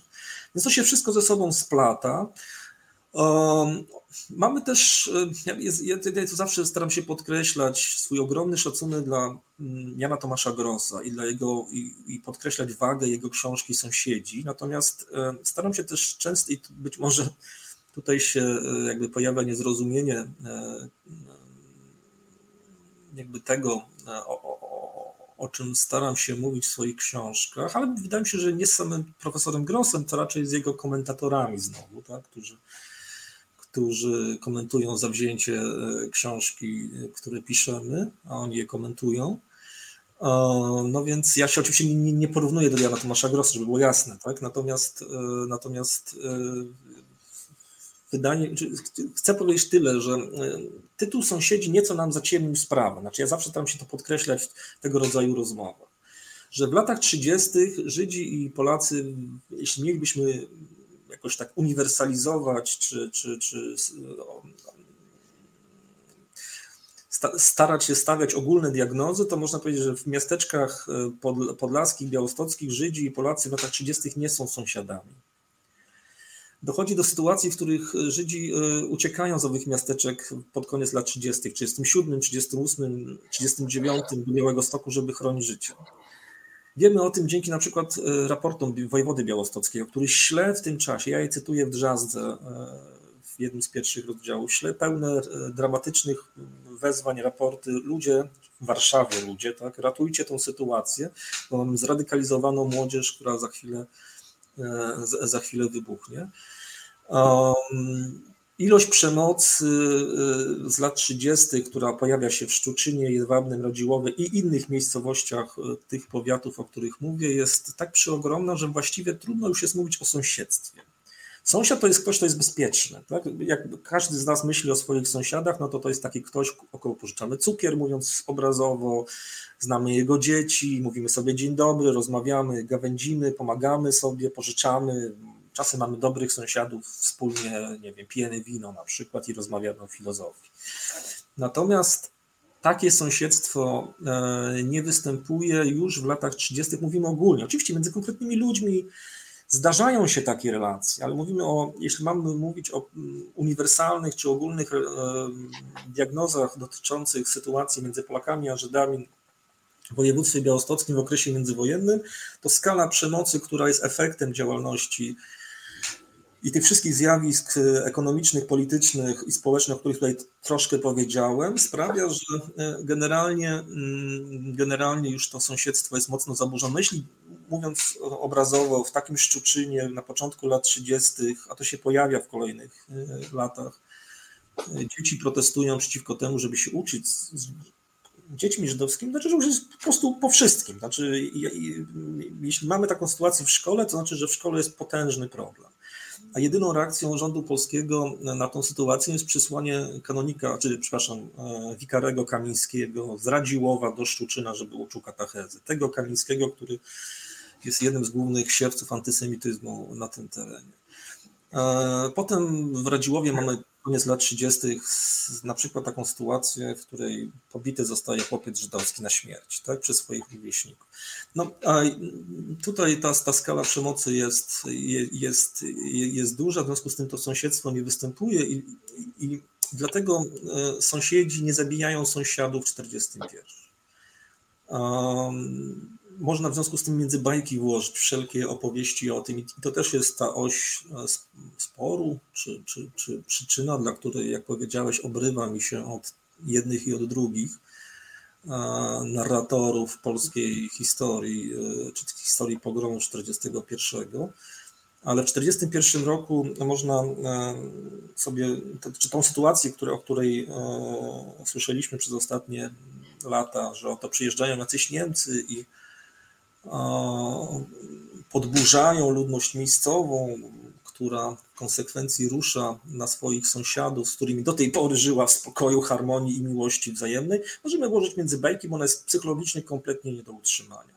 Znaczy, e, wyobraźmy tą sobie sytuację, tak, sprowadźmy ją do własnych, e, własnej sytuacji, że to przyjeżdża pewnego dnia jakiś facet jakimś samochodem w liczbie czterech panów, czy tam pięciu, kilkunastu i, i mówi nam zabijcie, zabijcie dzieci, ludzi, których znacie od 20 lat i z którymi się lubicie.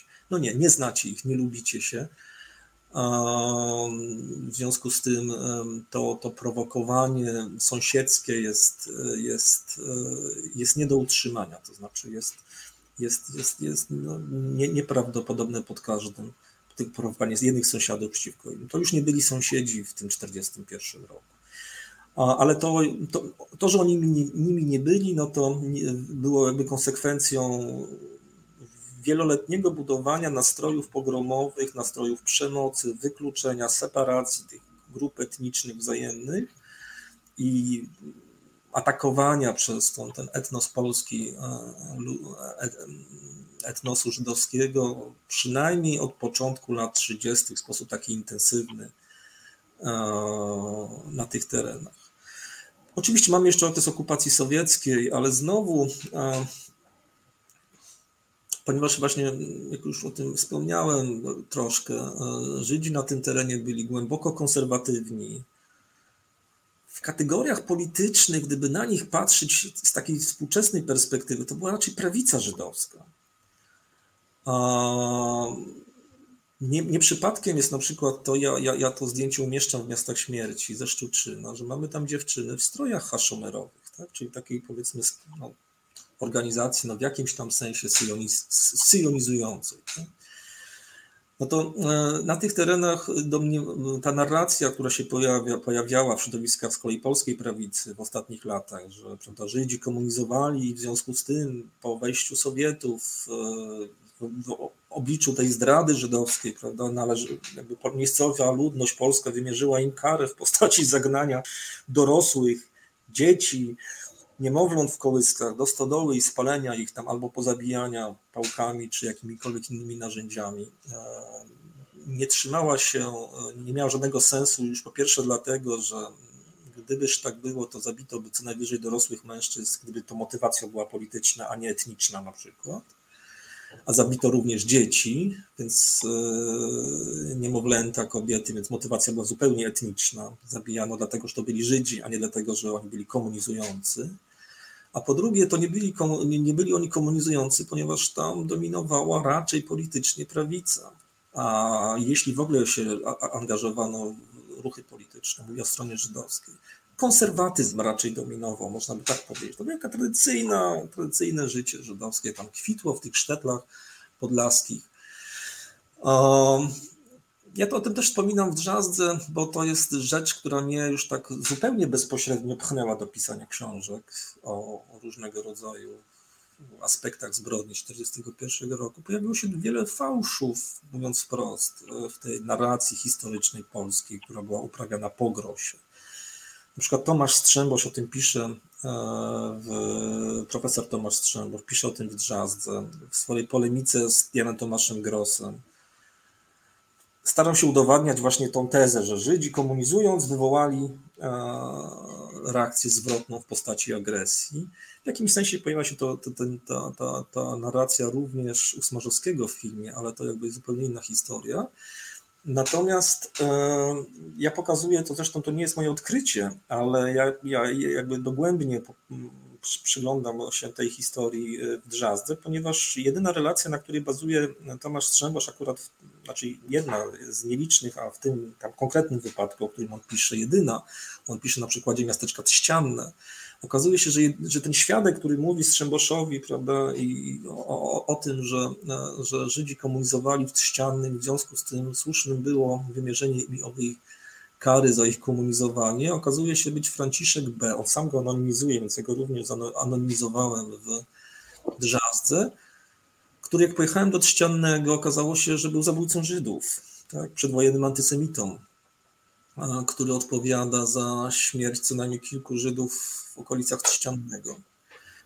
Znaczy, prostowanie takich historii, takich świadków, takich relacji było jednym również z celów, dla których podjąłem się swojego pisarstwa, bo okazuje się, że jak przyjrzymy się historiom z takiej, takiej konkretnej historii miejsca, osoby, to wtedy te wielkie prawda, narracje że o tym, że były dwie stodoły na Podlasiu, w jednej, prawda, znamy tą wypowiedź Szewa Hawajsa, albo że Żydzi właśnie prawda, komunizujący i w konsekwencji, e, w konsekwencji spotyka ich kara, albo że pojawia się jakaś inspiracja, zachęta, już nie mówiąc o tym, prawda, o tej wersji tej historii, która się pojawia w książkach negacjonistycznych wprost, które, które zalewają rynek polski że jacyś Niemcy niemalże automatami, prawda, zaganiali Polaków, ludność polską z tych miejscowości do tego, żeby mm, zabijała swoich żydowskich sąsiadów, że jak się przyjrzymy im z perspektywy konkretnych historii, konkretnych relacji, zeznań w postaci dokumentów czy zeznań świadków, no to one nie wytrzymują krytyki. One nie wytrzymują tego, tego przyglądania się właśnie. A te moje książki w związku z tym e, unikają e, wielkich narracji, a przyglądają się tym historiom z perspektywy właśnie takich szczegółowych, szczegółowych e, osób, prawda? Na przykład w Drzazdzy pojawia się e, historia syna Kowala, który, z Jedwabnego, który przez całe lata swojego życia pisze listy i do papieża, i do różnego, i do Grossa, i do Ignatiewa, prokurator, prokuratora Ignatiewa, który prowadził śledztwo jedwabieńskie o tym właśnie, że Żydzi komunizowali, kłamali o tych tej zbrodni, prawda? I, i, i, i pisze te swoje listy pełne takich przysiąg, przy, przysiąg, e, obietnic, jakichś takich e, powołań się na, na, na, na wszelkie e, tam byty ponadnaturalne, na Boga, historię i wszelkie co możliwe, że on mówi prawdę, po czym jak się przyjrzymy historii jego rodziny, to okazuje się, że jego ojciec był jednym z pogromczyków jedwabieńskich, tak? I strategie, które on stosuje, są niczym innym, tylko strategiami, no właśnie te kłamstwa silniejsze niż śmierć, jako podtytuł książki, które mają za zadanie e, ukryć, wyprzeć prawdę o czynach członków swojej rodziny. A czyny były motywowane ideologicznie, to już o tym powiedziałeś, ta narodówka i ten kościół, tak, kapłani raczej konkretni, którzy byli uwikłani politycznie, jak również ma to dzisiaj miejsce. Ale e, sytuacja ekonomiczna, ta,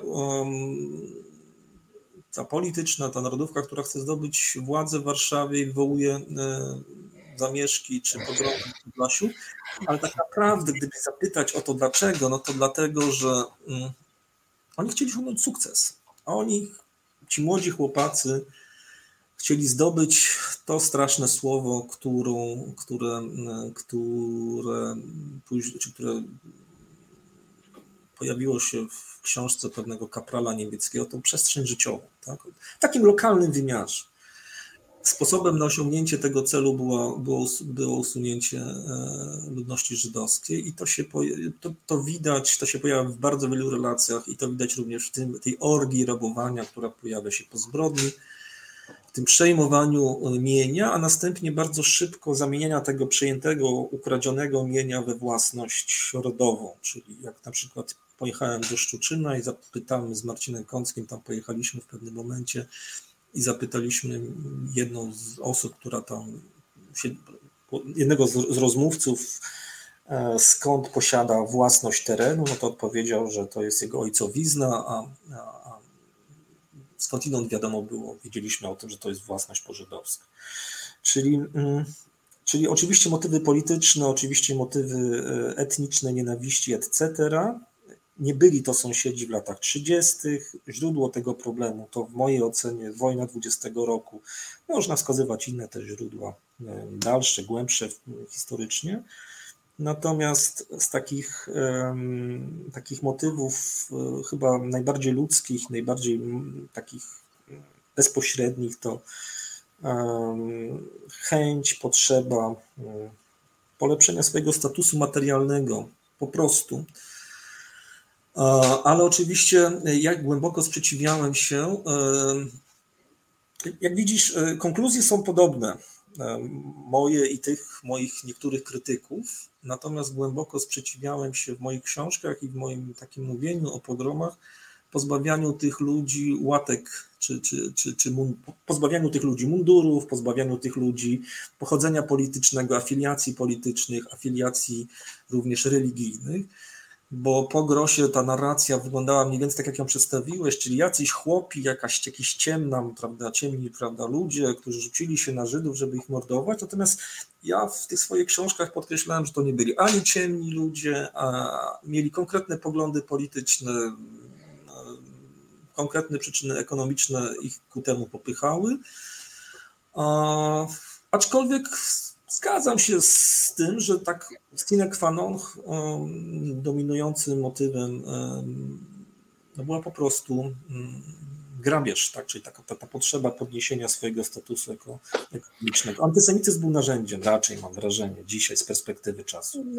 To są bardzo ważne ustalenia, jeżeli rzeczywiście tak było, że mm, chciwość y, była ważniejsza od takiej mitycznej nienawiści, która jako coś archaicznego jest w tym sensie jakoś... nienawiści, tak? tego narzędzia politycznego. Ona, ona warunkowało, jedno warunkowało drugie. Znaczy, ten Endek w tym mundurze, ten ONR-owiec, czy, oczywiście on krzyczał Wielka Polska, tak? on chciał nacjonalistycznego, jednoetnicznego państwa. To państwo gwarantowało jemu uprzywilejowaną pozycję, e, e, a w tym konkretnym miejscu również E, ale mm, mogę. To jest tylko taka moja intuicja psychologizująca sprawców.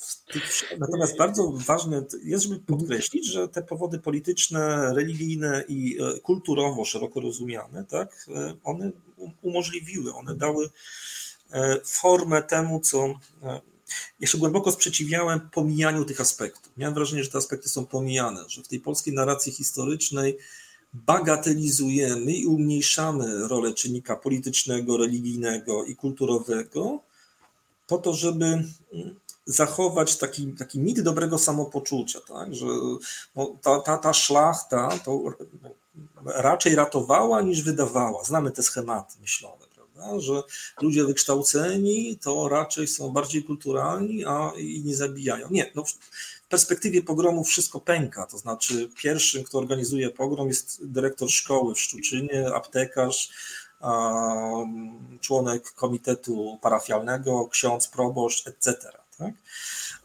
No oczywiście oni wszyscy mają konkretne afiliacje polityczne i mają konkretne mundury na sobie również polityczne z okresu międzywojennego.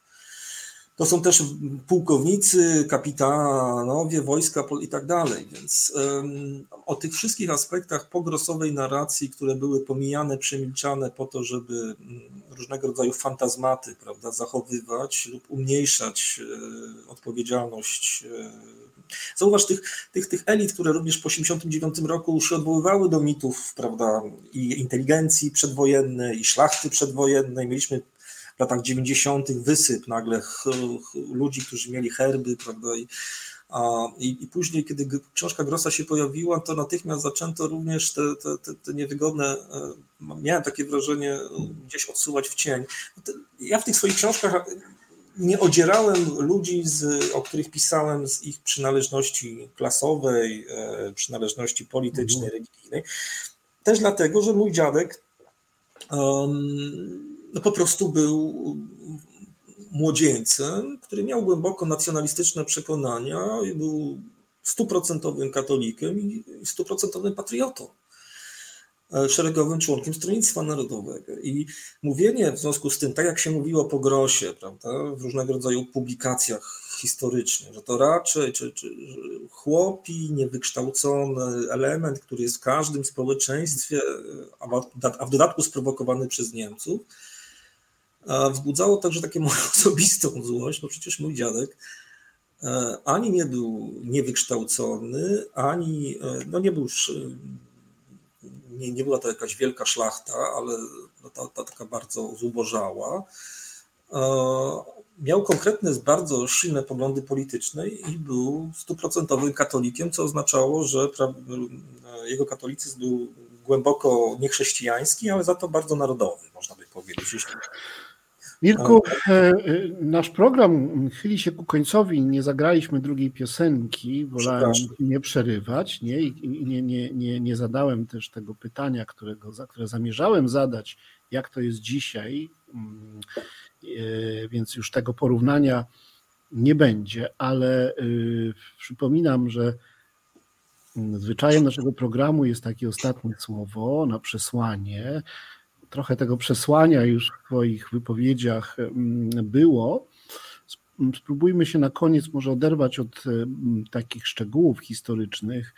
Chciałem Cię prosić o, no, powiedzmy, trzyminutową taką wypowiedź yy, dla wszystkich, no już bez pytania, tylko wedle własnego uznania i bardzo, bardzo Ci dziękuję za, za udział. Proszę.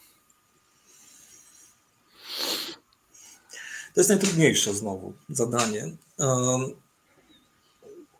bo mm, ja może w takim razie powiem to, co, to czego nie powiedziałem o, o, o tej sytuacji współczesnej. Ja bardzo bym sobie życzył, i to jest moje przesłanie, aby zarówno w miejscowościach, w których doszło do pogromów w 1941 roku, jak i w całej Polsce, żebyśmy zaczęli mm, umieć bez emocji niepotrzebnych, w takim sensie, że bez poczucia wstydu niepotrzebnego, bo przecież nie mamy już nic wspólnego z ludźmi, którzy popełnili zbrodnię w 1941 roku,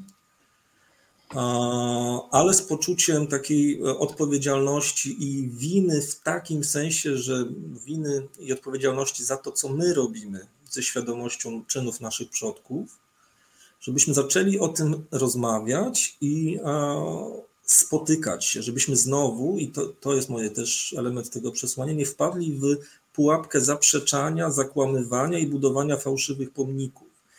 Teraz w Szczuczynie, w Jedwabnym, w Radziłowie powstają inicjatywy budowy czy wymiany pomników bądź napisów na pomnikach.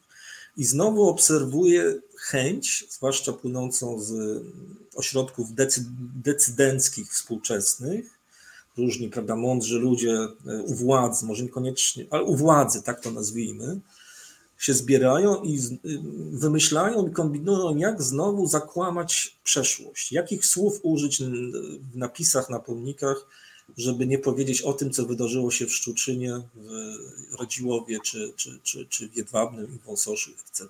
Więc ja bym sobie życzył, żebyśmy umieli rozmawiać o przeszłości w sposób prawdziwy, pozbawiony emocji, wstydu, a, a wtedy być może te spotkania nasze e, spadkobierców ofiar i spadkobierców sprawców będą na takim gruncie możliwe, na którym te spotkania będą miały sens.